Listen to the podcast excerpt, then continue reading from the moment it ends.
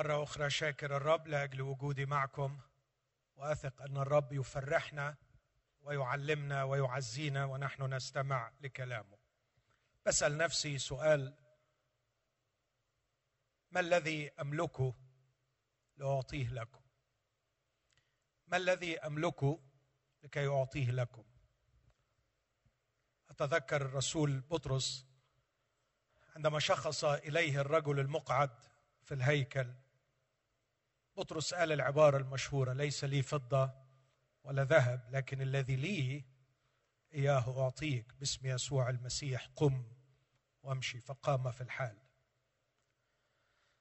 أنا لا أملك ذهبا ولا فضة ولا أملك هذه القوة المعجزية التي كانت عند بطرس التي تقيم مقعد. أصلي ربما والرب يقيم لكن أنا لا أملك. لكني أزعم أني أملك شيئا. أشتاق أن أعطيه لكل واحد فيكم. إخوتي بالصدق وبإخلاص أتكلم أمام الله. ما أملكه هو علاقة شخصية بحبيبي وسيدي ومخلصي الرب يسوع المسيح. هذه العلاقة الشخصية أغنت حياتي. هذه العلاقة الشخصية حولتني من شخص غير نافع إلى شخص نافع. هذه العلاقة الشخصية حولتني من شخص محطم يفكر جديا وحاول الانتحار إلى شخص يحب الحياة وعنده عائلة يحبها وتحبه ونافع لمن حوله. ما اختبرته من شفاء وحرية ونفع وثمر من خلال علاقتي بيسوع المسيح. هذا ما أود أن كل شخص في هذه القاعة يحصل عليه. علشان كده أنا لا أكرز بعقيدة. لم آتي اليوم لأقدم عقيدة. لكني أكرز بيسوع المسيح. وأقصد أني أكرز بيسوع المسيح. أي أني أعلم وأبشر وأذكر كل شخص موجود في هذه القاعة. أنه يوجد محب ألزق من الأخ. أنه يوجد يسوع المسيح الذي يريد أن يدعوك إليه. ويريد أن يرتبط ويلتصق بك وبك.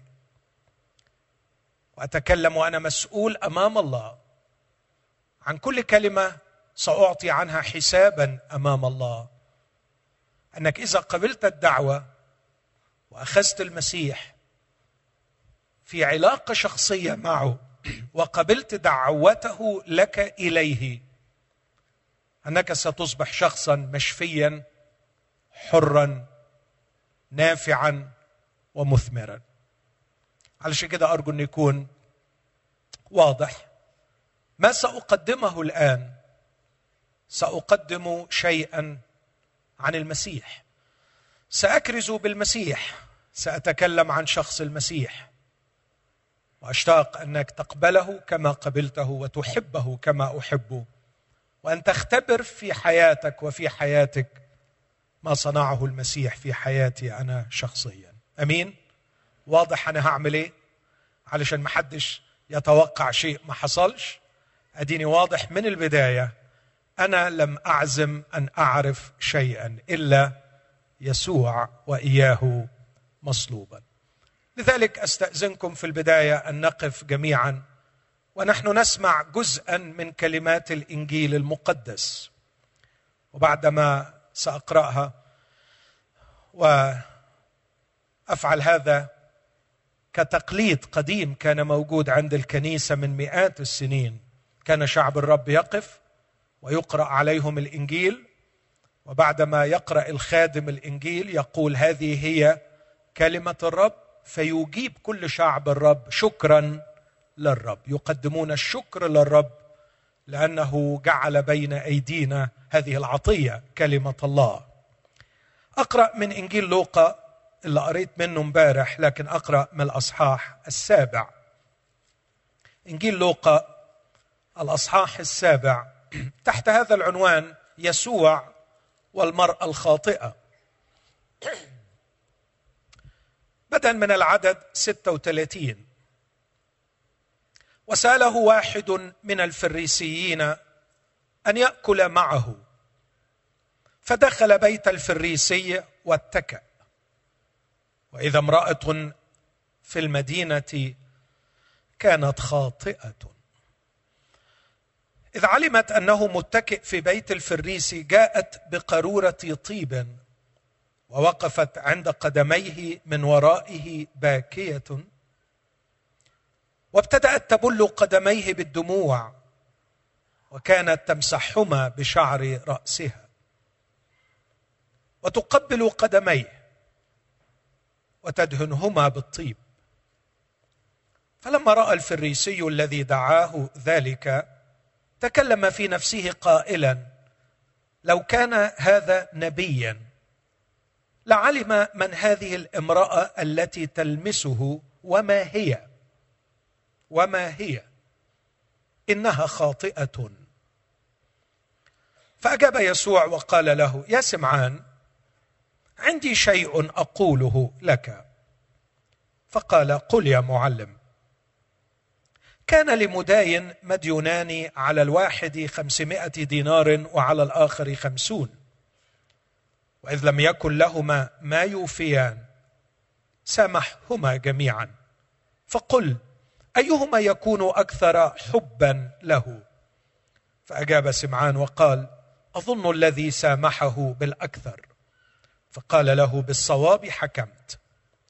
ثم التفت إلى المرأة وقال لسمعان أتنظر هذه المرأة؟ إني دخلت بيتك وماء لأجل رجلي لم تعطي. وأما هي فقد غسلت رجلي بالدموع. ومسحتهما بشعر رأسها. قبلة لم تقبلني.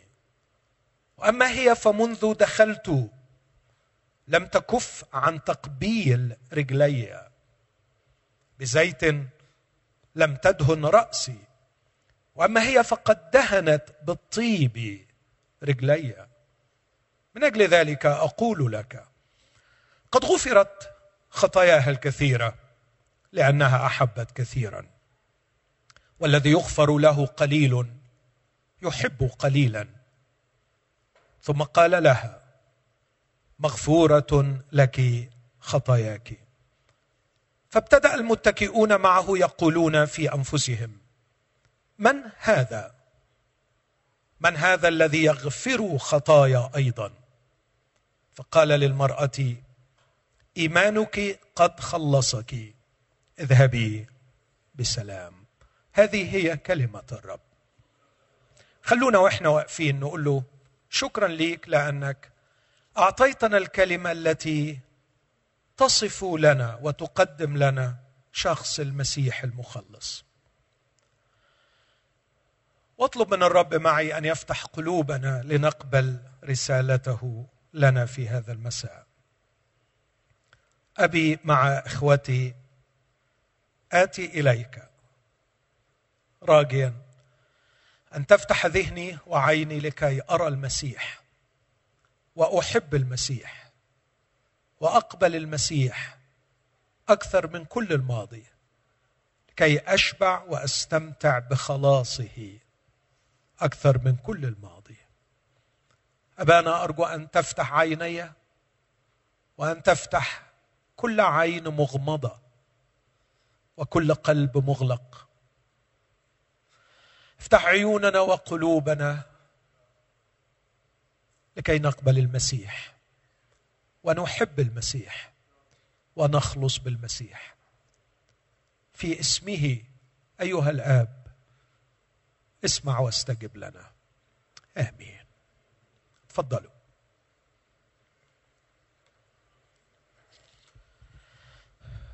بالأمس تكلمت عن رجل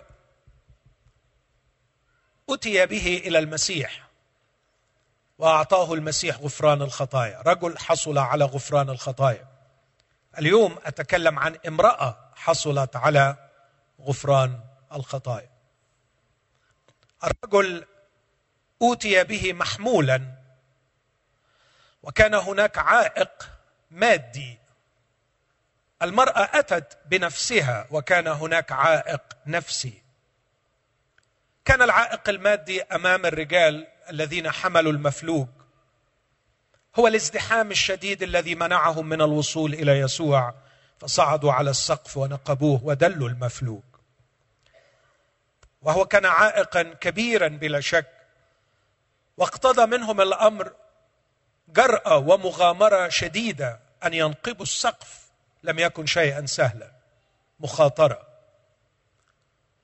لكن هنا أيضا يا إخوتي أرى على الرغم من كونها امرأة بالمقابلة مع أربعة رجال إلا أن العائق أمام هذه المرأة كان عائقا أعظم وأكبر. وأرى أن مغامرة المرأة وجرأتها وشجاعتها كانت أعظم. كان العائق النفسي وهي امرأة خاطئة. وعفوا إني أذكر هذا المعنى. احتملوني. تعني أنها امرأة تعمل بالدعارة. كانت امرأة معروفة في المدينة بهذا العمل الذي تعمله. كانت مبغضة من الجميع ولا سيما من المتطرفين دينيا. المتطرفون دينيا يقتلون النساء الشريفات فكم بالحري بامرأة تعمل بهذه المهنة. لكن هذه المرأة كانت بداخلها قوة غير عادية سأشرحها أو أحاول أن أفهمها معكم بعد قليل. جعلتها تتخطى كل العوائق وجعلتها لا تحاول أن تلتقي بيسوع في الشارع بل أن تقتحم أكبر معقل من معاقل التطرف الديني في بيت رجل فريسي. لكم أن تتخيلوا المعاناة النفسية والمخاطرة والمغامرة التي جعلتها تقتحم بيت رجل متطرف دينيا لكي تلتقي بيسوع هناك. العجيب أن الرجل قال له يسوع مغفورة لك خطاياك. وقال للمرأة أيضا مغفورة لك خطاياك. وكما كان هناك دليل على أن كلمة يسوع التي خرجت من فمه حامله الغفران كانت كلمة صاحبة سلطان تبرهن سلطانها بقوة الشفاء. برهن يسوع على قوة الكلمة بالشفاء. مفهوم الفكرة دي؟ هقولها باختصار عشان تكون واضحة. يسوع قال للراجل مغفورة لك خطاياك. ممكن واحد يقول مش عرفني إن خطاياه اتغفرت. فأنا هجاوب باعتباري تلميذ للمسيح وهقول لأن كلمة المسيح تحمل سلطان. فلو قال مغفورة يبقى غفرت. يقول لي ما الدليل؟ أقول له اصبر علي. عشان تعرف إن الكلمة ليها سلطان يسوع هيوجه كلمة تاني مش للروح. ليغفر خطاياها لكن للجسد لكي يشفيه من الشلل. فعندما قال يسوع كلمة أخرى قم وامشي في الحال قام وحمل فراشه. أهو الدليل. الدليل على أن الكلمة الخارجة من فمه تحمل سلطان.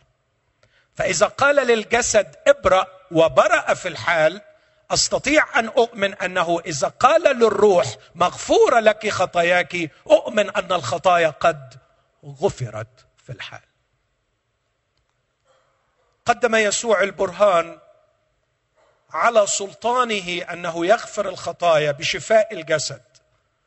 لكني أستطيع أن أقول أنه اليوم في هذه الليلة يقدم يسوع برهانا آخر على سلطانه في غفران الخطايا في شفاء أعظم من شفاء الجسد ألا وهو شفاء النفس.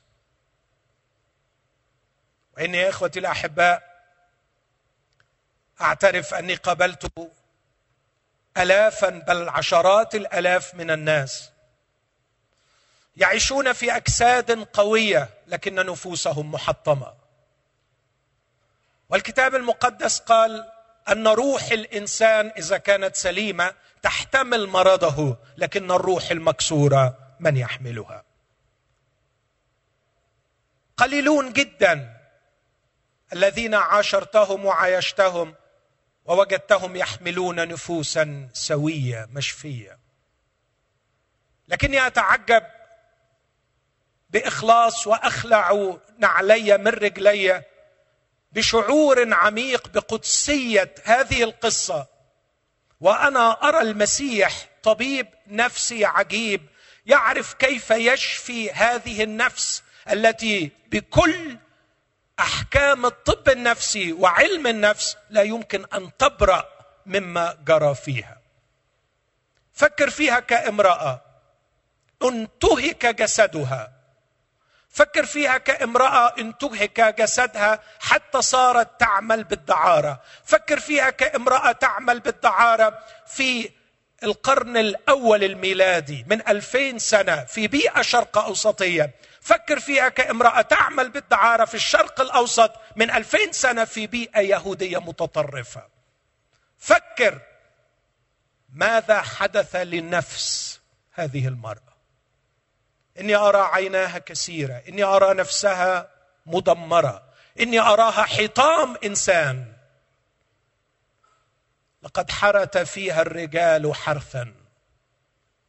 لقد خربوا كل أجزاء جسدها ونفسها. لقد دمروها. لكني أرى في هذه القصة امرأة عظيمة مشفية حرة. قوية شريفة. وأقول بكل الصدق يا أختي العزيزة التي لا أعرف اسمك وحتما سأراك في السماء وأشرف برؤيتك. أقول لك من كل قلبي كم أشتهي وأصلي قبل أن ينتهي عمري على الأرض أن أصل إلى جزء قليل من شفائك. ونتمتع بقدر قليل من حبك للمسيح. كما اشتهي يا أختي العزيزة أن أتعلم منك القوة والعظمة والنصره على الثقافة وقوة الشخصية التي تتخطى كل العوائق. بل وهذا الحب العجيب لسيدي المسيح. لوقا الطبيب الحبيب يضع أمامنا هذه القصص بعد أن تتبع كل شيء من الأول بالتدقيق لكي نعرف شيئا عن عظمة المسيح. من يكون المسيح؟ من يكون المسيح؟ حاولت الإجابة عن هذا السؤال بالأمس. تحت عنوان المسيح وهويته من يكون المسيح؟ ومشيت بالتسلسل أتمنى أنكم تكونوا فاكرينه. هو إنسان؟ نعم. هو نبي؟ نعم. لكن المسيح أضاف وقال عن نفسه إنه هو ابن الإنسان. لكن في الآخر المسيح صدمنا عندما قدم نفسه باعتباره من يغفر الخطايا. وقدم برهان على أنه غافر الخطايا بأنه شفى الجسد. وأرجوك تتذكر معي مزمور 103 لتعرف حقيقة هذا الشخص الذي يشفي الأمراض ويغفر الخطايا. مين اللي بيعمل الاثنين دول مع بعض؟ اسمع ماذا يقول المزمور. باركي يا نفسي الرب. ولا تنسي كل حسناته. ماذا يفعل الرب الذي يغفر جميع ذنوبك الذي يشفي كل أمراضك؟ إذا من هو هذا الشخص؟ هو الرب. هو يهوى. يهوى الأزلي الأبدي. بعد أن صار بشرا وحل بيننا. من الذي كان يجلس في بيت بطرس في كفر نحوم الذي غفر الخطايا وشفى الجسد هو الرب يهوى. هو الرب يهوى. هل تتخيلوا هذا أحبائي؟ أنتم متخيلين أن اللي كان قاعد في البيت هو الرب يهوى؟ هو الذي قال لموسى اخلع عليك قبل أن تقترب. هو الذي قال لموسى لا يراني الإنسان ويعيش. هو الذي من حضرته تتزلزل الجبال. هو الذي رأيناه يوم الأحد ونحن نتحدث كان منظره على الجبل كنار آكلة. هو الرب يهوى. يجلس في بيت بطرس يغفر الذنوب. ويشفي الأمراض. لكن لوقا يريد أن يمتعنا أكثر بمعرفة أعمق عن شخص المسيح. في هذه القصة المملوءة مملوءة بالدراما مملوءة بالتعليم أتوقف عند ثلاث نقاط. النقطة الأولى أتوقف عند يسوع المسيح كما يصفه لوقا. وماذا يقدم للخطاة ثم أتوقف عند يسوع المسيح وأخلاقه مع الخطاة. أحب أنك تعرف شيء عن الأخلاق اليسوعية. في كتب كتير بتتكلم عن أخلاق الناس فممكن تقرأ كتب كتير لكن اقرأ الأناجيل الأربعة لكي تعرف أخلاق يسوع. ثم أخيرا أقول شيئا عن سمات شفاء يسوع. كما يظهر في محبة هذه المرأة ليسوع. ثلاث حاجات هقف عندهم لكن علشان أقدر أشرح الثلاث نقط دول محتاج أوصف لحضراتكم شيء عن الخلفية التاريخية لهذه القصة عشان نفهمها. أشرت بالأمس أن الفريسيين فئة متطرفة جدا من اليهود. بيلبسوا لبس غير بقية الناس. بيعملوا شعرهم بطريقة غير بقية الناس. بياكلوا بطريقة غير الناس. بيتعاملوا مع الناس بطريقة غير الناس. يفعلوا كل شيء لكي تنظرهم الناس ولكي ما يرسلوا رسالة للناس أننا أكثر برا وطهرا منكم. نحن أقدس منكم. نحن أقرب إلى الله منكم. دول الفريسيين. لكن كانت هناك عادة عند علية القوم من اليهود أنه عندما يظهر معلم في الشريعة أو رجل دين متقدم كان الناس الأغنياء يصنعوا له عشاء. علية القوم اللي يعملوا الحكاية دي. وده كانوا بيعملوه كنوع من الافتخار. عارفين ما زال في البلاد العربية بعض البلدان العربية إلى الآن هناك المجلس عندهم المجلس. فيأتوا بشاعر يلقي أشعاره أو يأتي يأتوا بمطرب يعني يطرب بأغانيه أو يأتوا بخطيب يلقي خطبة أو يأتوا بمعلم بندوة يقدم فكرا. فكانوا عليه القوم يدعون رجل الدين أو المعلم لكي ما يعلم. وكانت الجلسة بتكون كالآتي معروف إن كانوا بيقعدوا على الأرض. فكانوا يقعدوا في حلقة. ووراءهم وسائد يتكئ عليها. وغالبا طريقة الجلوس يتكئ الشخص ورجلاه تحته. بيبقى تاني رجليه فقدميه بيبقوا من وراء لأنه ما يصحش إن قدميه تواجه الآخرين ولا سيما إنه في النص كان يوضع الأكل. فما ينفعش يبقى حاطط رجليه على الأكل وفي وش الناس. فكانت تبقى الرجلين من وراء وكانت العادة أنهم يجتمعوا غالبا بعد غروب الشمس ويوضع العشاء ويجلس الضيوف الكرام الذين دعاهم هذا الرجل الغني الوجيه علية القوم مثله.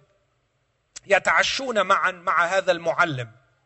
وبعد العشاء يبدأون في طرح أسئلتهم عليه أو هو يطرح ما عنده من تعليم. لكن كان في شيء بيحدث كمان. كان يذاع خبر هذه الجلسة عند المدينة كلها. فيأتي فقراء المدينة لكي ما يحيطوا بالجلسة من الخارج. لا يتكئوا لكن يقفوا من وراء المجتمعين. يسمعوا شيئا من التعليم لكن أيضا بعد انتهاء العشاء كان بيزيد أكل كتير فيعطى لهؤلاء الفقراء والمساكين. كانت هذه هي الثقافة والعادة في ذلك الزمن. وفي هذا اليوم جرى الخبر في كل أنحاء القرية أن يسوع الناصري سوف يأتي إلى بيت سمعان الفريسي. وابتدأ الفقراء يجهزون أنفسهم للالتقاء بهذا المعلم الجليلي وأيضا لنوال شيئا من الطعام الذي يبقى من مائدة هذا الفريسي. ومن ضمن الذين وصلهم الخبر كانت هذه المرأة. كم كنت أتمنى أن أعرف قصتها؟ لكن الكتاب لم يذكر ولا حتى اسمها. لكن أقدر أستنتج حكايتها من حكايات كثيرة قرأتها عن نساء مساكين. طحنتهم الظروف واضطروا أن يعملوا في هذه المهنة. لم أجد مرة واحدة قصة امرأة عملت في هذه المهنة راغبة فيها. لكن عند حطم الشيطان العائلات وحطم البلدان أحيانا بنظم سياسية قاهرة قاتلة. عندما تحطمت البيوت وتحطمت الشعوب كثير من النساء الضعيفات المساكين لجأنا لهذه المهنة الرديئة. سمعت كما سمع الكثيرون. لكن واضح كل الوضوح أن هذه المرأة كان لها لقاء سابق بالمسيح. لا أعرف أين ولا أعرف متى. ربما ربما لا أزعم أني أعرف. ربما تكون هي نفس المرأة التي أمسكت وهي تزني. ربما. ربما هي تلك المرأة التي أتوا بها في الوسط. وقالوا ليسوع إن موسى أوصانا أن مثل هذه ترجم. لكم أن تتخيلوا الوحشية. يمكن يمكن أنتم هنا دلوقتي وبعد السنوات الماضية تقدروا تتخيلوا الوحشية التي عوملت بها هذه المرأة. تقدروا من القصص اللي بتسمعوها تتصوروا ماذا فعلوا بها وهم يجرجروها في الشوارع. ليأتوا بها إلى الهيكل في الصبح. موسى أوصانا أنها ترجم وأنت ماذا تقول؟ فإذ بالمعلم الحبيب يسوع المسيح ينحني على الأرض ولا ينظر إليها. كأنه يقول لها أنت ما تستحمليش مزيد من النظرات.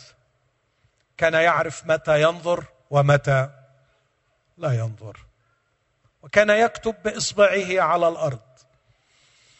آه ربما كشف أشياء كتب أرقام كتب أسماء يعرفها الواقفون. وهو الخبير والفاحص للقلوب. ثم انتصب ونظر للذين أتوا به. وقال لهم من منكم بلا خطية؟ والمقصود بخطية نفس هذه الخطية. فليرمها اولا بحجر. فابتدأ الجميع ينصرفون مبتدئين من الشيوخ إلى الاخرين فانتصب يسوع مرة أخرى ولم يجد إلا المرأة واقفة وحدها. فقال لها يا امرأة أما دانك أحد؟ قالت لا أحد يا سيد. وأتخيل أتخيل أنها تقول له لكني الآن جاهزة بكل الرضا أن تتفضل أنت وتدينني. بعد انقذتني من أيدي هؤلاء الوحوش إني بكل الرضا أتقبل أول حجر من يدك أنت. تفضل أدني بعد أن أنقذتني. أنا أعرف أنك رجل دين أنك رجل معلم وأعرف أنني حتما أستحق الدينونة. تفضل. فالدينونه من يدك رحمة. أفضل مليون مرة من أن أدان من هؤلاء الوحوش. لكن قال لها يسوع رسالة أخرى. لم تكن تخطر على البال غريبة عن الناموس. رسالة جديدة لم تسمع بها الأرض من قبل. يا امرأة مدانك أحد؟ لا أحد يا سيد ولا أنا. أدينك. اذهبي ولا تخطئي أيضا. كان لي صديق في الجامعة وقد قادني إلى الإلحاد.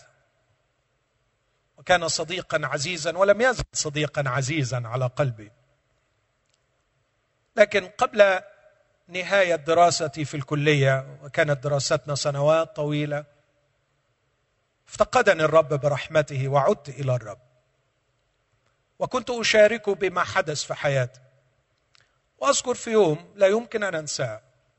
كنا نستذكر معا في امتحانات آخر العام في آخر سنة وكانت أيام صعبة بالنسبة لنا.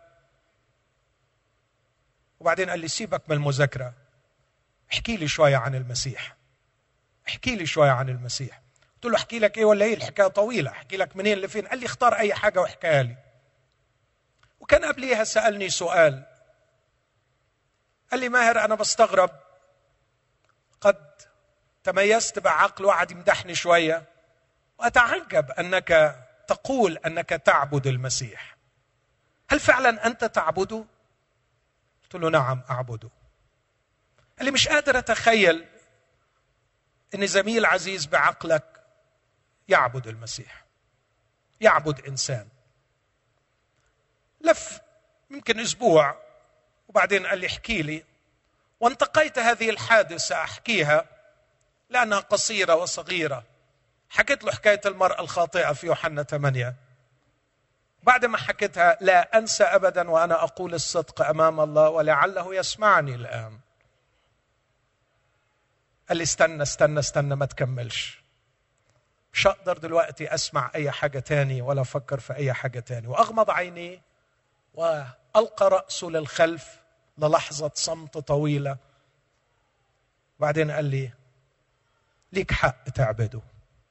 حتى لو ما كانش هو الله على الجمال اللي هو فيه ده يستحق إنه هو يتعبد. لكن يا إخوتي الاحباء أقول نعم إن أخلاقه عجيبة وعظيمة لكني لا أعبد سيدي المسيح من أجل أخلاقه. أعبده لأن الكلمة صار بشرا وحل بيننا. وعندما يصير الرب بشرا ويحل بيننا لابد أن تكون أخلاقه أسمى أخلاق. لابد أن تكون أخلاقه تميزه عن كل البشر بألفي ذراع بلغة الرمز. لا يمكن أن يدنو منه إنسان في أخلاقه. ده ياخذني إلى فكرة عن أخلاق المسيح كما ظهرت في هذا الأصحاح. أول خلق يلفت نظري. سأله واحد من الفريسين أن يأكل معه. فدخل بيت الفريسي واتكى شخصيا معجب جدا بشخص المسيح. لأنه قوي جدا. قوي جدا في شخصيته في نفسيته. عظيم في حكمته واتزانه. أكثر شيء بيدهشني في هذا التصرف. إن ما كانش عنده اللي بنسميه بالعربي الحكم المسبق على الأشخاص. Prejudice. هو يعلم أن الفريسيين يكرهونه. يعلم أن الفريسيين لا يضمرون له يعني حبا أو لطفا بل بالعكس كان يعلم أنهم يريدون أن يقتلوه. لكن سأله الفريسي أن يدخل عنده فدخل واتكى قوي مش كده؟ ما عندوش حساسية. باختصار أقول لما تقرأ إنجيل لوقا تستغرب. سأله فريسي أن يدخل عنده فدخل. فصح 13 سأله رئيس للفريسيين أن يدخل عنده فدخل. فصح خمسة سأله عشار هو متى أن يدخل عنده فدخل. في أصحاح 19 سأله رئيس العشارين زكى أن يدخل عنده فدخل. أحبه ولا ما أحبوش؟ ردوا علي من حقي أعجب بيه ولا لا؟ بصراحة شخص محترم يملى دماغي. أفخر بأني أتبعه. لا شيء فيه يجعلني أستحي منه. كبير قوي. ما عندوش حكم مسبق على شخص. ما عندوش حساسيات تجاه أشخاص. ما عندوش مانع يزور الفريسي ورئيس الفريسيين. ما عندوش مانع يزور العشار ورئيس العشارين. ويعرف يتعامل مع الفريسي كويس قوي. ويعرف يتعامل مع العشار كويس قوي.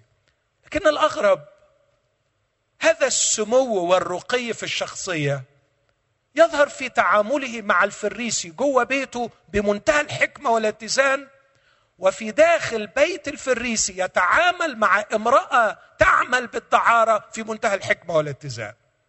لاحظ اللي قاعدين مع بعض. فريسي وامرأة تعمل بالدعارة.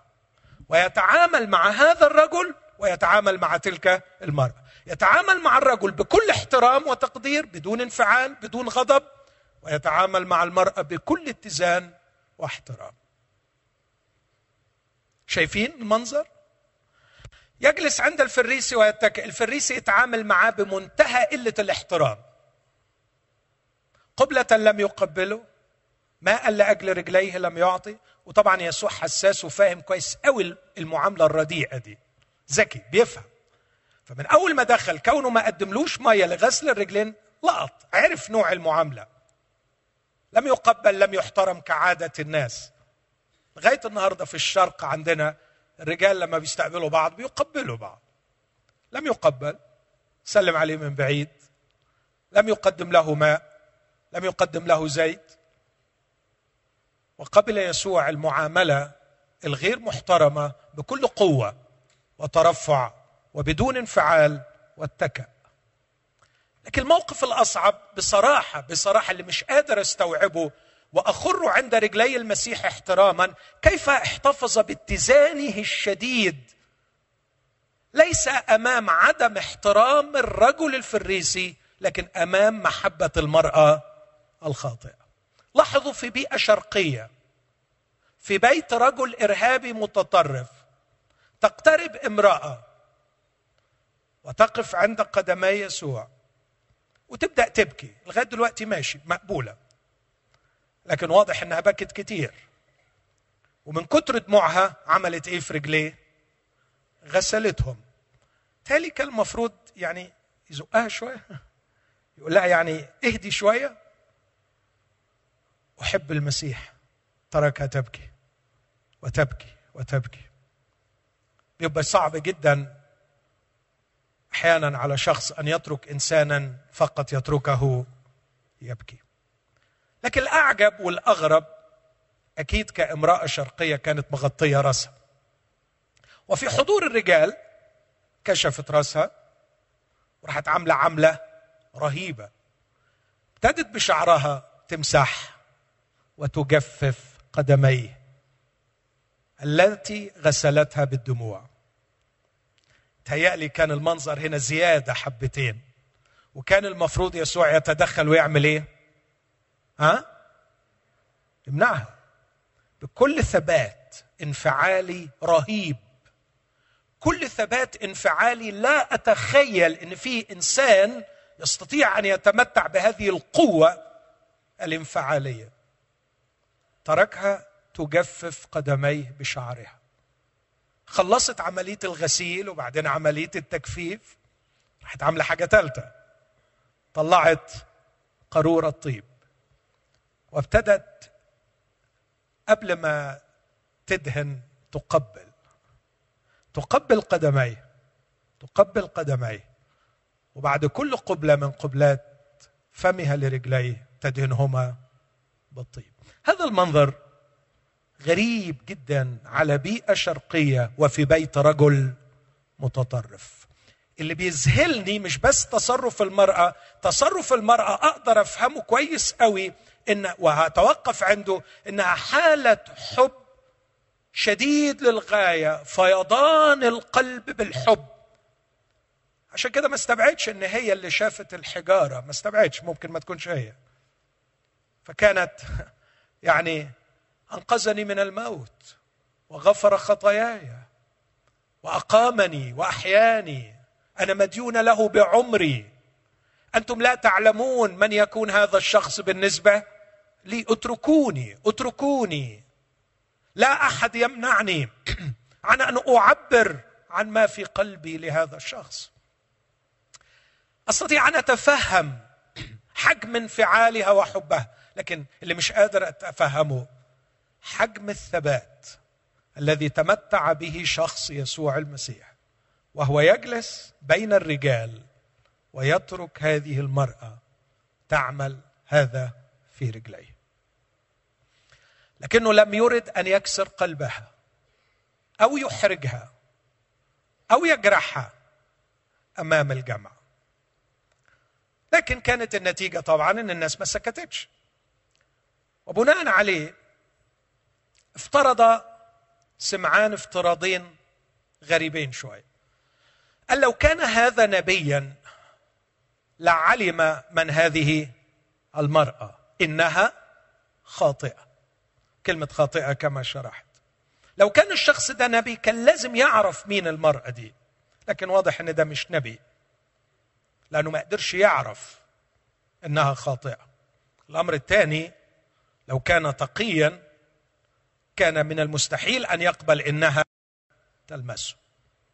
فهو لا نبي ولا حتى تقي. لكن يسوع بسرعة رد على النقطة الأولانية. لا حبيبي أنا مش بس نبي. أعرف إن المرأة دي خاطئة. أنا ربنا اللي بعرف أفكار القلوب. وعندي شيء أقوله لك. أنا هقول لك اللي بتفكر فيه دلوقتي. يا سمعان عندي شيء أقوله. كتاب يقول إن يسوع علم ما يفكر فيه في عدد أربعين. فأجاب يسوع وقال له يا سمعان عندي شيء أقوله لك. فقال قل يا معلم. وحكى له الحكاية وهنا انبهر بالحكمة أيضا في المثل الذي أعطاه. واحد مديون بخمسمية ثاني مديون بخمسين المداين شاف حالهم البائس سامحهما جميعا. أيهما يكون أكثر حبا؟ قال أظن الذي سامحه بالأكثر. بكل الاتزان يقول له بالصواب حكمت. برافو يا سمعان بالصواب حكمت. تفتكروا تعامله مع المرأة السامرية وهو يشجعها هذا بالصدق؟ قلت بالصواب حكمت. ثم يبدأ يعاتبه بكل حب واتزان.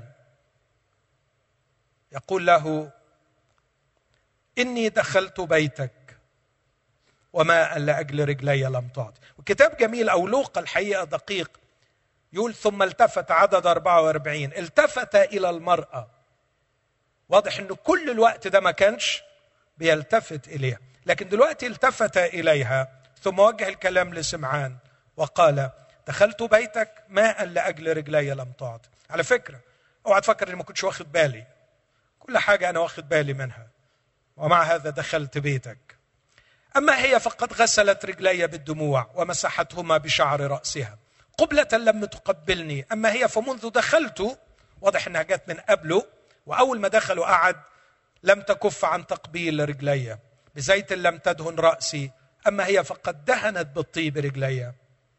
من أجل ذلك أقول لك ثم تكلم عن الغفران. يعوزني الوقت أن أتكلم عن أخلاق يسوع. ليس في هذه القصة فقط وليس في هذا الأصحاح فقط لكن في كل الأناجيل الأربعة. أتحدى أي شخص منصف أن يجد له عيبا واحدا لكن في كل شيء كان راقيا ولا سيما في تعامله مع المرأة. المرأة سواء كانت امرأة وزير أو تعمل بالدعارة. كانت سوسنة امرأة خوذي وكيل هيرودس تتبعه وتخدمه من أموالها. وكانت هذه المرأة تحبه وتغسل رجليه بدموعها. قالت عنه دورثي سايلرز واحدة من أعظم الكاتبات الإنجليزيات. لم أرى شخصا في رقي يسوع المسيح في تعامله مع المرأة. وقالت تعبير غريب. لم يخاطب قط أنوثتهن. لا بما يمدحها ولا بما يخجلها. كان يتعامل دائما مع المرأة على أنها إنسان عظيم وليس مجرد أنثى. هذا ما فشل فيه أعظم الرجال في كل العصور. لكن يسوع المسيح كان يتعامل مع امرأة الوزير ومع امرأة تعمل بالدعارة بكل الحب بكل التقدير بكل الاحترام ولم يخاطب قط أنوثتهن لكن خاطب إنسانياتهن خاطب الإنسان فيهن. ماذا قدم يسوع لهذه المرأة؟ ثلاث عطايا. العطية الأولى مغفورة لك خطاياك. العطية الثانية إيمانك قد خلصك. العطية الثالثة اذهبي بالسلام. من فضلك تأمل معي في العطايا الثلاثة دول. مغفورة لك خطاياك. ما هو غفران الخطايا؟ غفران الخطايا هو أعظم عطية نكرز بها. وأول شيء هتناله لو ارتبطت بالمسيح الليلة. رب يسوع لما قام من الأموات في لو 24 قال لهم هكذا كان ينبغي أن المسيح يموت ويتألم ويقوم في اليوم الثالث ويكرز باسمه للتوبة ومغفرة الخطايا. يعني لو تقول لي الليلة ليه بتكرز لي بالمسيح؟ أقول لك عشان حضرتك محتاج غفران الخطايا. لما الرسول بطرس قام يوعظ يوم الخمسين قال توبوا وليعتمد كل واحد منكم على اسم يسوع المسيح لغفران الخطايا. لما راح بيت كرنيليوس يوعظ في أعمال عشرة قال هذه الكلمات له يشهد جميع الأنبياء أن كل من يؤمن به ينال باسمه غفران الخطايا. بولس في أعمال 26 عندما ظهر له الرب نفسه قال له اخترتك لتشهد للأمم لكي يرجعوا من ظلمات إلى نور ومن سلطان الشيطان إلى الله لينالوا بالإيمان بي غفران الخطايا ونصيبا مع المقدسين. ويعوزني الوقت لا اذكر آيات كثيره أعمال اثنين أعمال خمسة أعمال عشرة أعمال 13 أعمال 26 لو 24 في كل هذه المواضع وغيرها. يقول الكتاب أن أول بركة تأخذها من ارتباطك بيسوع المسيح هي غفران الخطايا. بس أرجوك ما تفهمش غفران الخطايا بطريقة سطحية. أحيانا بنفهم غفران الخطايا من جانب معين. هو صحيح لكنه قاصر. إنه علي ديون سطرت في كتب السماء مات المسيح من أجلي فمحيت هذه الديون وأصبح الرصيد بتاعي في المديون أصبح صفر فالحمد لله ما عادش علي دين محى ذنوبي بمعنى أنه لم يعد علي شيء الله يقضي به عليه. هذا هذا مفهوم صحيح لا أنكره لكنه قاصر. أشرت بالأمس وأكرر. لما أكون في علاقة مع شخص وأخطئ في حقه اسمعوني في الكلمة اللي هقولها دي عميقة شوية معلش احتملوني فيها. في حاجة بتتكسر بيني وبينه وفي نفس الوقت في ربطة سلبية جديدة بتربطني بيه. فكر معايا في اللي بقوله ده. الكلام ده مهم. لما نكون في علاقة أنا وأنت وتغلط فيا أو أغلط فيك في لحظة الخطأ في حاجة بتتكسر بيني وبينك. بس يا ريتها وقفت عن كده. في علاقه بوند في ربطة سلبية بتتكون بيني وبينك. الربطه السلبية دي طعمها المرارة طعمها الغضب. اوعى تقول لي إنه بعد الخطأ بيبقى كأنه ما فيش حاجة. لا في حاجة. واوعى تقول لي إنه ما يعني في حاجة إنه إحنا خلاص انفصلنا. لا لا لا ما انفصلتوش. ده أنتوا ارتبطتوا. بس ارتبطتوا بعلاقة شكلها إيه؟ سلبية. في شيء من المرارة والغضب. واقدر أقول حدث تغير في طبيعتك كإنسان. وبالطبع الله لا يتغير. البعض بالسذاجه يتصور إني أقول إن الله بيتغير. هذه سذاجة. لكن يقينا لم يعد موقف الله مني بعد الخطية هو نفس موقفه مني قبل أن أخطئ. واللي فاهم إن ربنا موقفه ما بيتغيرش بسبب خطايانا بيتكلم عن إله من صنع خياله. اوعى تعمل إله على مزاجك. لا اقرأ العهد القديم هتقرأ عشرات المرات بيقول أغاظوني بخطاياهم. يبقى ربنا جرت له حالة إيه؟ ها؟ غيظ وغضب. أهانوني احتقروني. بعد ما بتعمل الخطية أنت بتتغير. ما بتبقاش زي ما أنت. وكمان موقف ربنا منك بيتغير. وإذا حد ضحك عليك يقول لك لا ربنا ما بيتأثرش ومفيش أي مشكلة ده بيضحك عليك. لا ربنا بيزعل ربنا بيتغاظ ربنا بيحزن. ربنا بيغير ربنا بيتضايق من الإنسان لما بيعمل الخطيه يقول أغاظوني بمنحوتاتهم مرة بيقول لهم إن كنت أبا فأين كرامتي وإن كنت سيدا فأين هيبتي. احتقرتموني يقول الرب. تعرف الغفران بقى مش محو الذنوب. لا لا لا الغفران حاجة أعمق من كده. الغفران إصلاحك من الداخل وإصلاح موقف الله تجاهك. الغفران هو إعادتي للوضع الذي ينبغي أن يكون بيني وبين خالقي. والحكاية دي ما يقدرش عليها رسول ولا نبي ولا معلم. الحكاية دي ما يقدرش عليها إلا يسوع المسيح. له يشهد جميع الأنبياء. ده بس هم كلهم بيقولوا كل الأنبياء اللي ربنا بعتهم بيقولوا كده بشهادة بيسجلوها. له يشهد جميع الأنبياء. أن كل من يؤمن به ينال باسمه غفران الخطايا. غفران الخطايا بالمفهوم اللي قلته ده. مش بس يمحي الذنوب فلا تدان لكن يصلحك يغيرك يشفيك. لكن الأهم والأعظم ويصلح موقف الله من جهتك. إيه الدليل؟ ادله كتير. كل الذين نالوا غفران الخطايا امتلأوا بالفرح امتلأوا بالسلام. اسمع كده إذ قد تبررنا بالإيمان لنا سلام. وهنشوف مع بعض.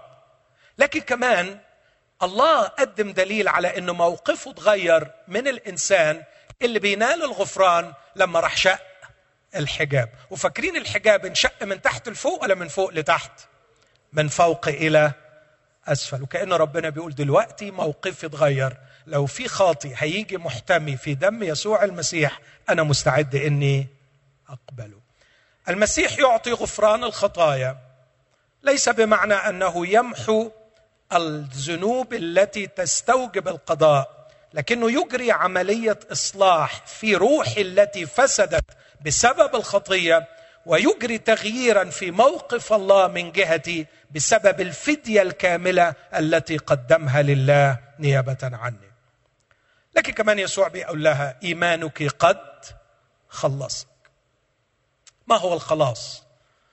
آه الخلاص من كل تشوه ومن كل عبودية ومن كل قيد كان يقيدك يا ابنتي. ولاحظوا أحبائي مفهوم الإيمان ومفهوم الخلاص. الإيمان ارتباط والخلاص حرية. هقول تاني الإيمان ارتباط والخلاص حرية. المسيح لا يقدم لك عقيدة ولا يقدم لك منهجا. تمشي فيه فإن شاء الله تتحرر لكن المسيح بيقدم لك نفسه. ترتبط بالمسيح ولما تدخل في علاقة عميقة معه تلاقي النفس الشبعانة بتدوس العسل. لما تدخل في علاقة عميقة مع المسيح تلاقي عندك شيء غالي يخليك ما ترخصش نفسك. لما بترتبط بالمسيح بتحس إنك عالي فما توطيش نفسك. فالارتباط الإيمان ارتباط مش مجرد اقتناع. والخلاص حرية. لكن آخر كلمة قدمها لها المسيح. اذهبي بسلام. الكلمة دي بحبها جدا وبتؤثر فيا بشدة. اذهبي. امضي يا بنتي.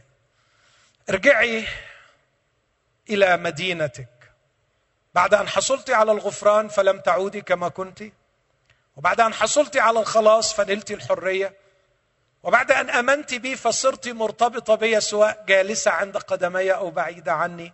اذهبي يا بنتي. اذهبي بسلام. بالإنجليزية في سلام. جو ان بيس دايما بحب أسأل السؤال اذهبي. إلى أين؟ لا أقول لك اذهبي إلى أين؟ فروحي سوف يقودك. لكني أعدك بشيء واحد. حيثما ذهبت ستذهبي بسلام. إذا ذهبت إلى فراش المرض ستذهبي بسلام. إذا ذهبت إلى الضيق ستذهبي بسلام. يا بنتي العزيزة لا أعلم ماذا سيقابلك في مدينتك غدا وبعد غد. لكني أعدك أنك ستواجهي كل موقف وكل شيء وأنت في سلام سؤال يا أحبائي افتراضي أطرحه عليكم فكروا فيه. لو الرب خيرك ما بين عطيتين ظروف مريحة وتواجهها أنت أو سلام عميق وظروف متقلبة. تختار أنهي؟ أنا عارف سؤال صعب. فكر فيه فكر فيه.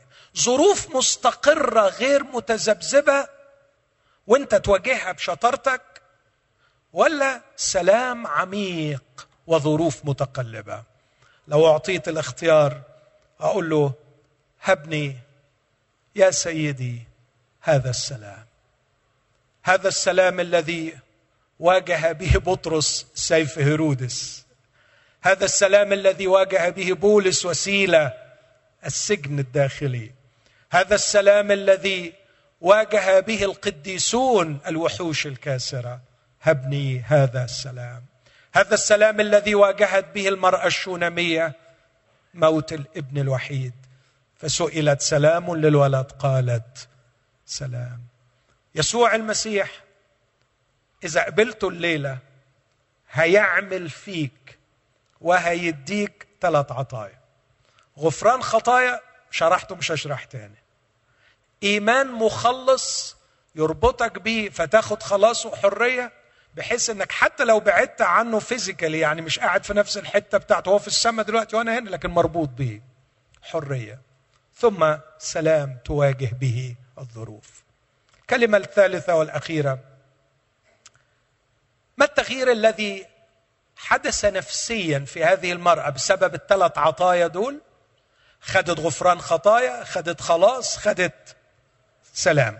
حصل فيها تغيير. أنا من وجهة نظري أقول إنه في شفاء للنفس. وأعظم علامة من علامات شفاء النفس أن الشخص قادر على أن يحب. الشخص المريض لا يستطيع أن يحب. صعب إنه يحب. لكن هذه المرأة تحررت وشفيت وأصبحت قادرة على أن تحب. أتأمل بسرعة شديدة في علامات محبتها في كلمات سريعة. هذه المحبة مرتبطة بالغفران.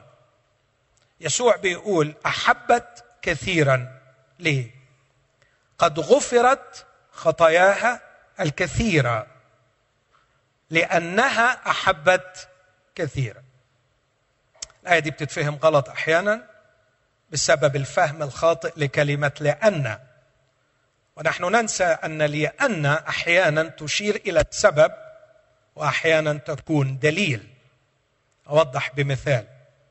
أنا ممكن أقول مثلا أنا رأيت القاعه اليوم ممتلئه لأن الأحباء دعوا اصدقائهم ما أتى بعد لأن في هذه العبارة؟ دليل ولا سبب؟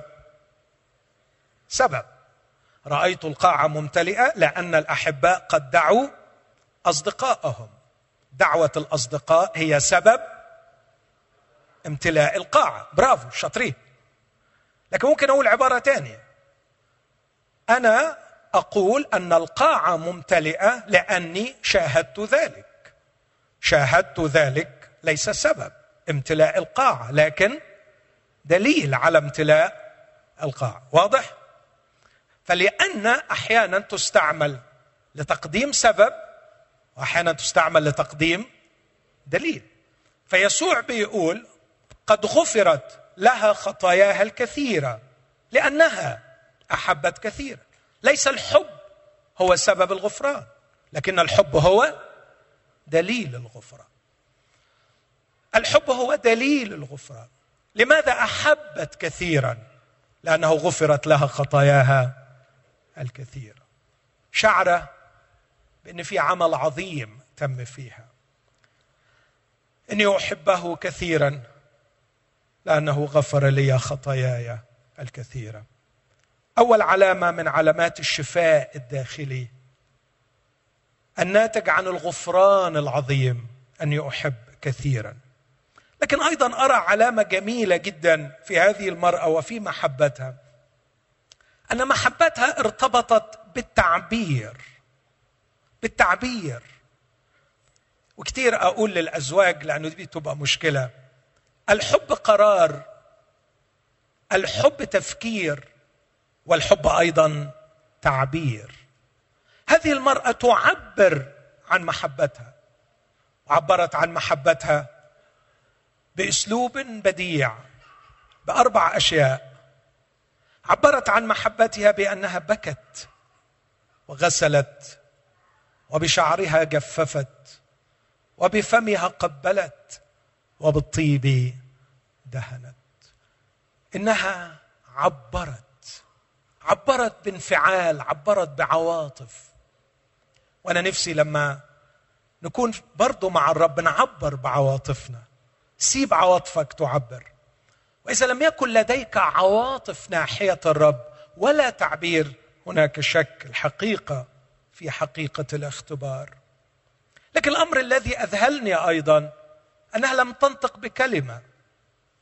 فالحب ليس دائما يعبر عنه من خلال كلام.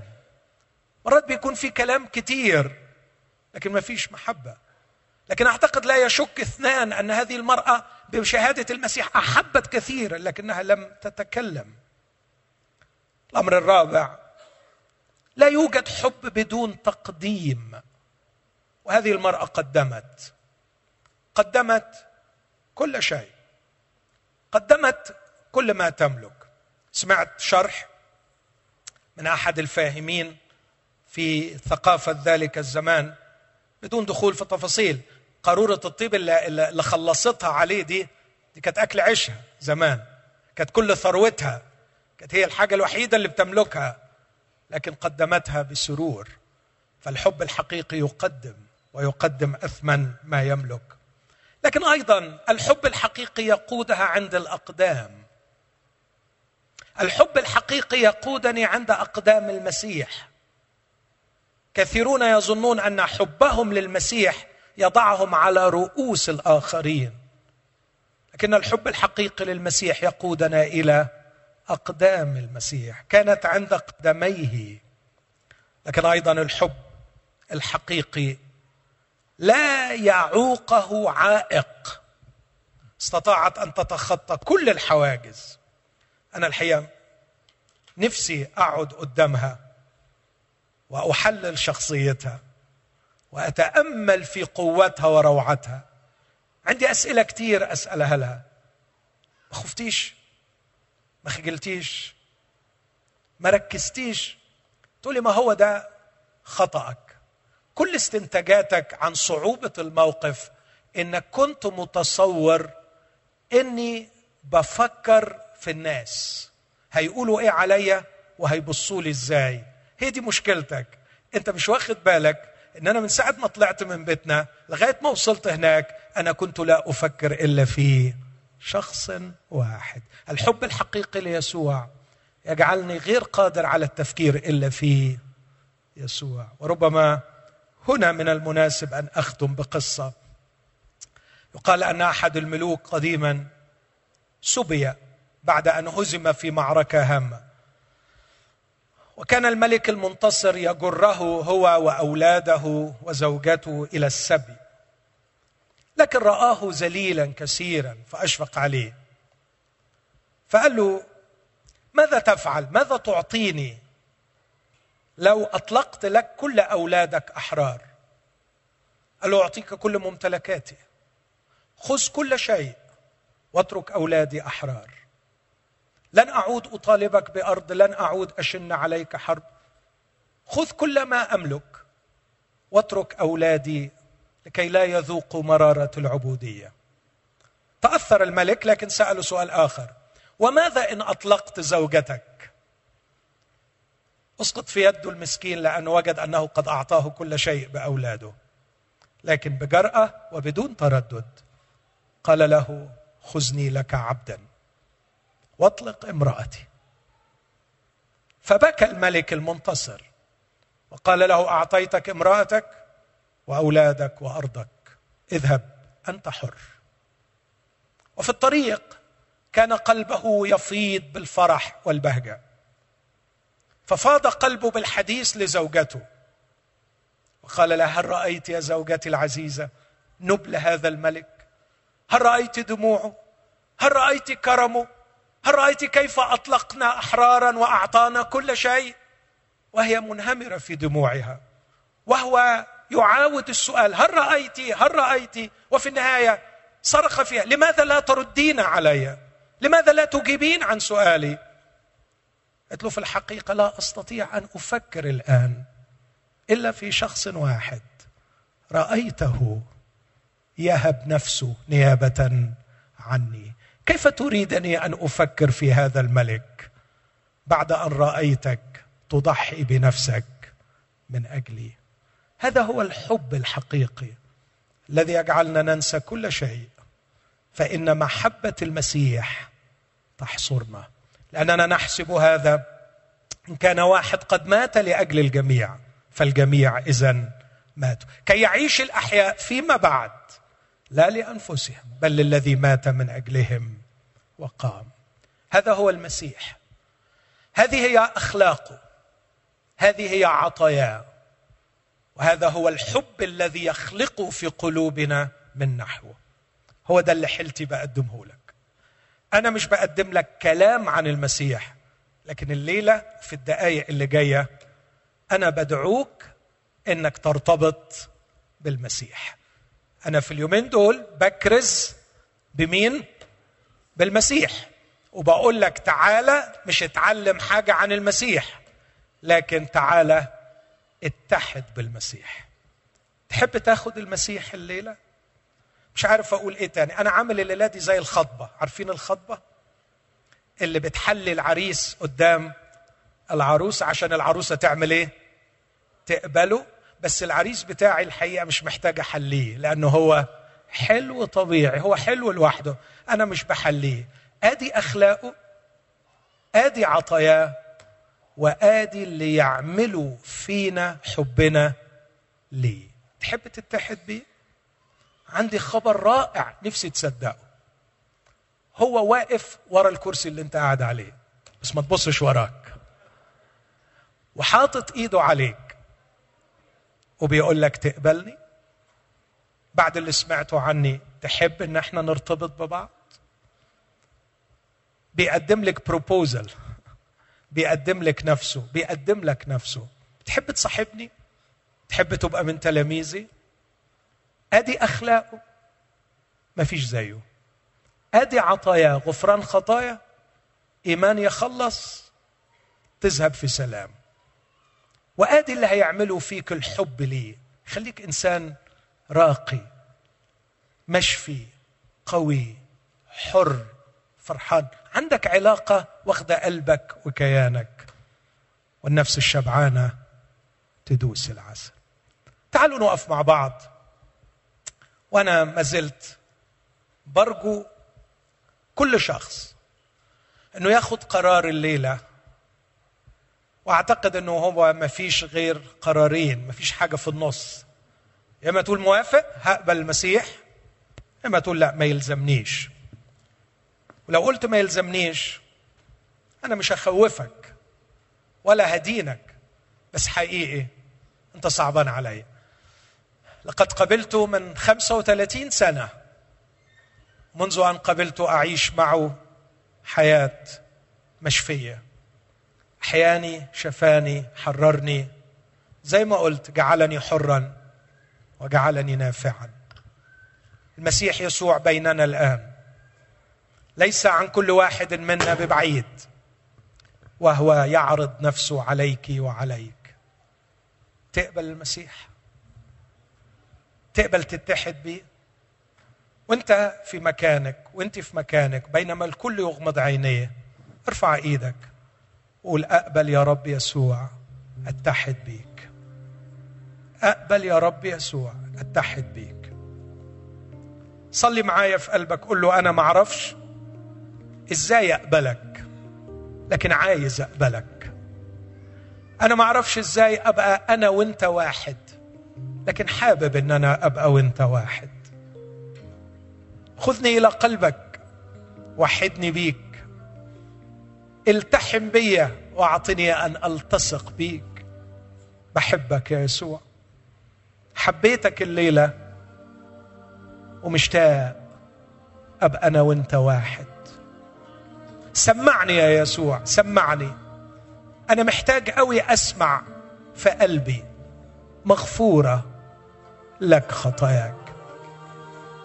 إيمانك قد خلصك اذهبي بسلام. يسوع أرجوك قل لي الثلاث كلمات دول لأن أنا محتاجهم. عايز أسمعهم منك. قل لي إنك غفرت لي عشان أحبك كتير. قل لي إن إيماني بيك هيخلصني وهيحررني. وقل لي اذهبي بسلام. اتشفي شفاء الروح. ده اللي أنا مشتاق ليه. صوته ينادي لكل خاطي تعال ارجع وتوب هغفر لك أنا كل الماضي من خطايا وذنوب. تعال اتمتع بالحرية كفاية ذل وهوى. أحيا فيك وتحيا فيا ورجعك إنسان. أحيا فيك وتحيا فيا ورجعك إنسان. صوته ينادي لكل خاطي تعال ارجع وتوب. اغفر لك أنا كل الماضي من خطايا وذنوب. تعال اتمتع بالحرية كفاية ذل وهوى. أحيا فيك وتحيا فيا ورجعك إنسان الكلام اللي بيقوله ريمون ده أنا متأكد إنه بيوصف حالة ناس كتير هنا. يمكن تكون مذلول. يمكن تكون فقدت احترامك لنفسك بسبب الظروف أو بسبب الخطية. يمكن يا أختي تكوني تعرضتي لانتهاك. كسر نفسك. يمكن تكون بتعاني من شيء. ما تقدرش تقوله لحد. يمكن اللي مخفي جواك وكسرك. ما تحبش أقرب الناس ليك يعرفوا. أنا عارف ثقل هذه الأمور.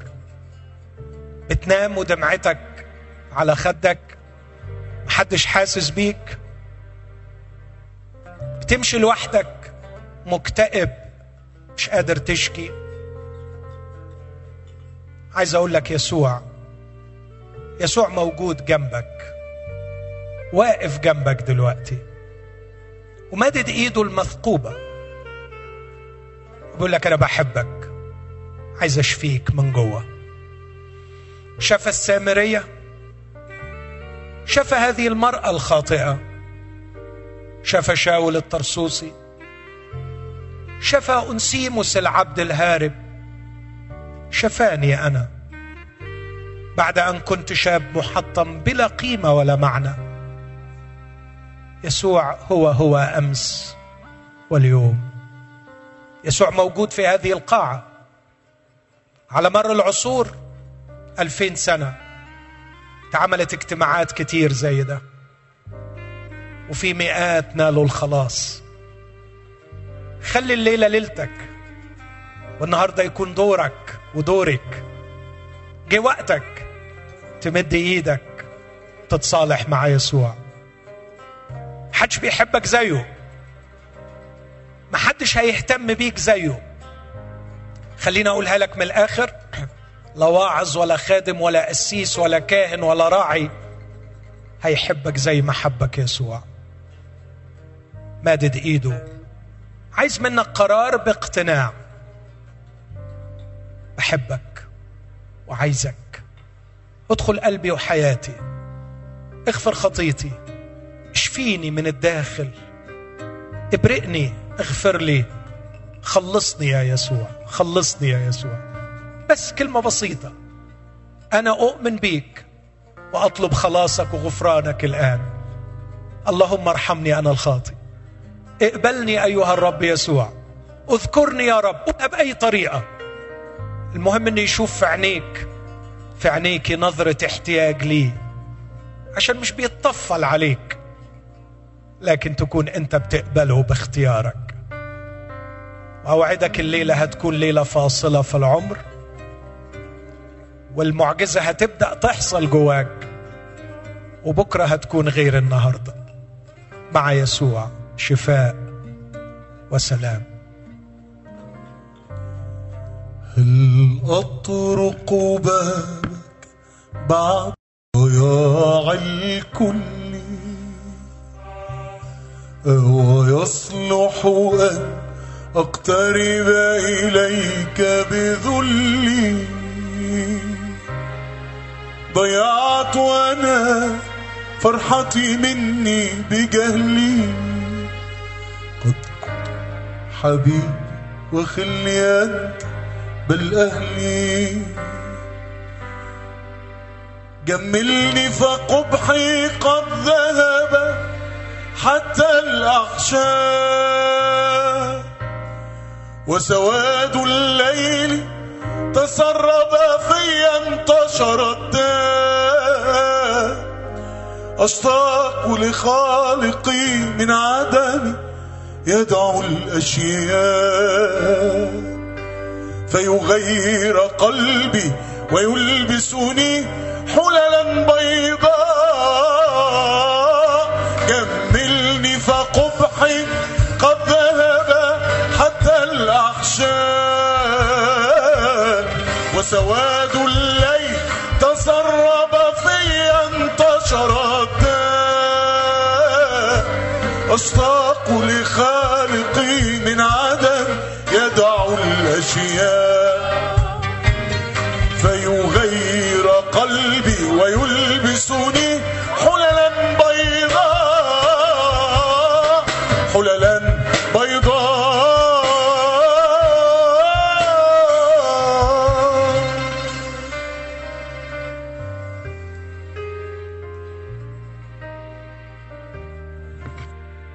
رجاء. كل اللي في القاعة يقعدوا إلا اللي فعلا مشتاق من قلبه إنه يبدأ الليلة حياة مع يسوع. يظل واقف في مكان.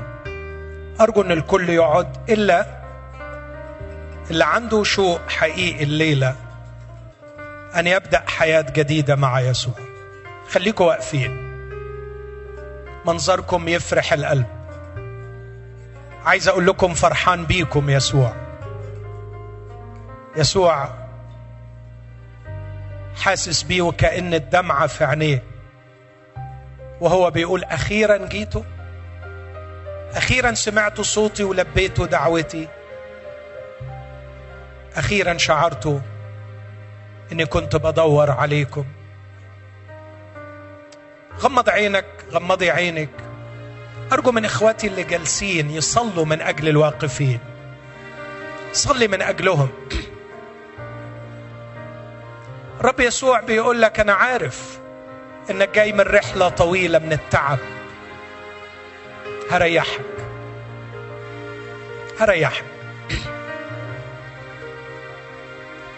هتمشي معايا وهمشي معاك. مش هسيبك تعدي لوحدك. في الليالي اللي جاية. الحاجات اللي محيراك هنفكر فيها مع بعض. هعلمك وأرشدك الطريق التي تسلكها وأنصحك عيني عليك. رب يسوع بيقول لكل واحد وواحدة من الواقفين طلبوا بإخلاص مغفورة لك خطاياك. مغفورة لك خطاياك. صلي معايا الصلوة دي يقول له بقبلك وبصدقك وبثق فيك وبحط إيدي في إيدك. أنا عارف ان ضعيف لكن عارف إن أنت قوي وأنت مش هتسيبني.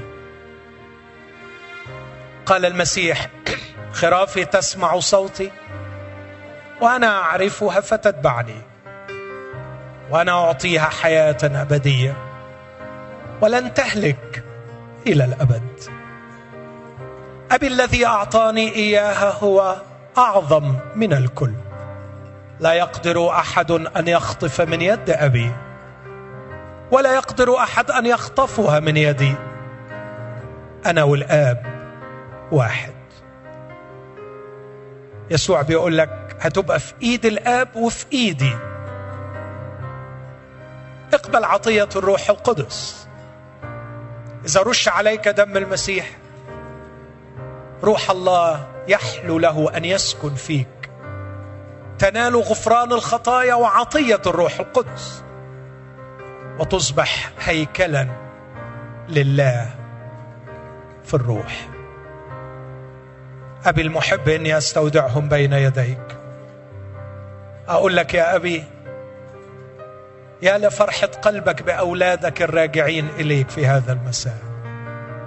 اشكرك لأنك فرحتنا معك بعودتهم إليك. أسلمهم لك لحمايتك وحفظك هدايتك وتعليمك. ارسل ملائكتك حولهم ليحفظوهم واجعل روحك القدوس يرشدهم. أكد لهم كل يوم خلاصك العظيم. متعهم أيها الرب يسوع الحبيب بشفاعتك وقيادتك. اصنع فيهم مشيئة الآب وكل ما يرضي امامه أبانا في اسم المسيح اسمع واستجب لنا. آمين. خلونا نقف كلنا ونهتف لصخرة خلاصنا نرنم له بفرح. أعتقد إنه جدير بالاحتفال مش كده؟ يسوع يستاهل إن إحنا نحتفل به ونعبر له عن فخرنا وفرحنا وشعورنا بالبهجة. دعونا نحتفل به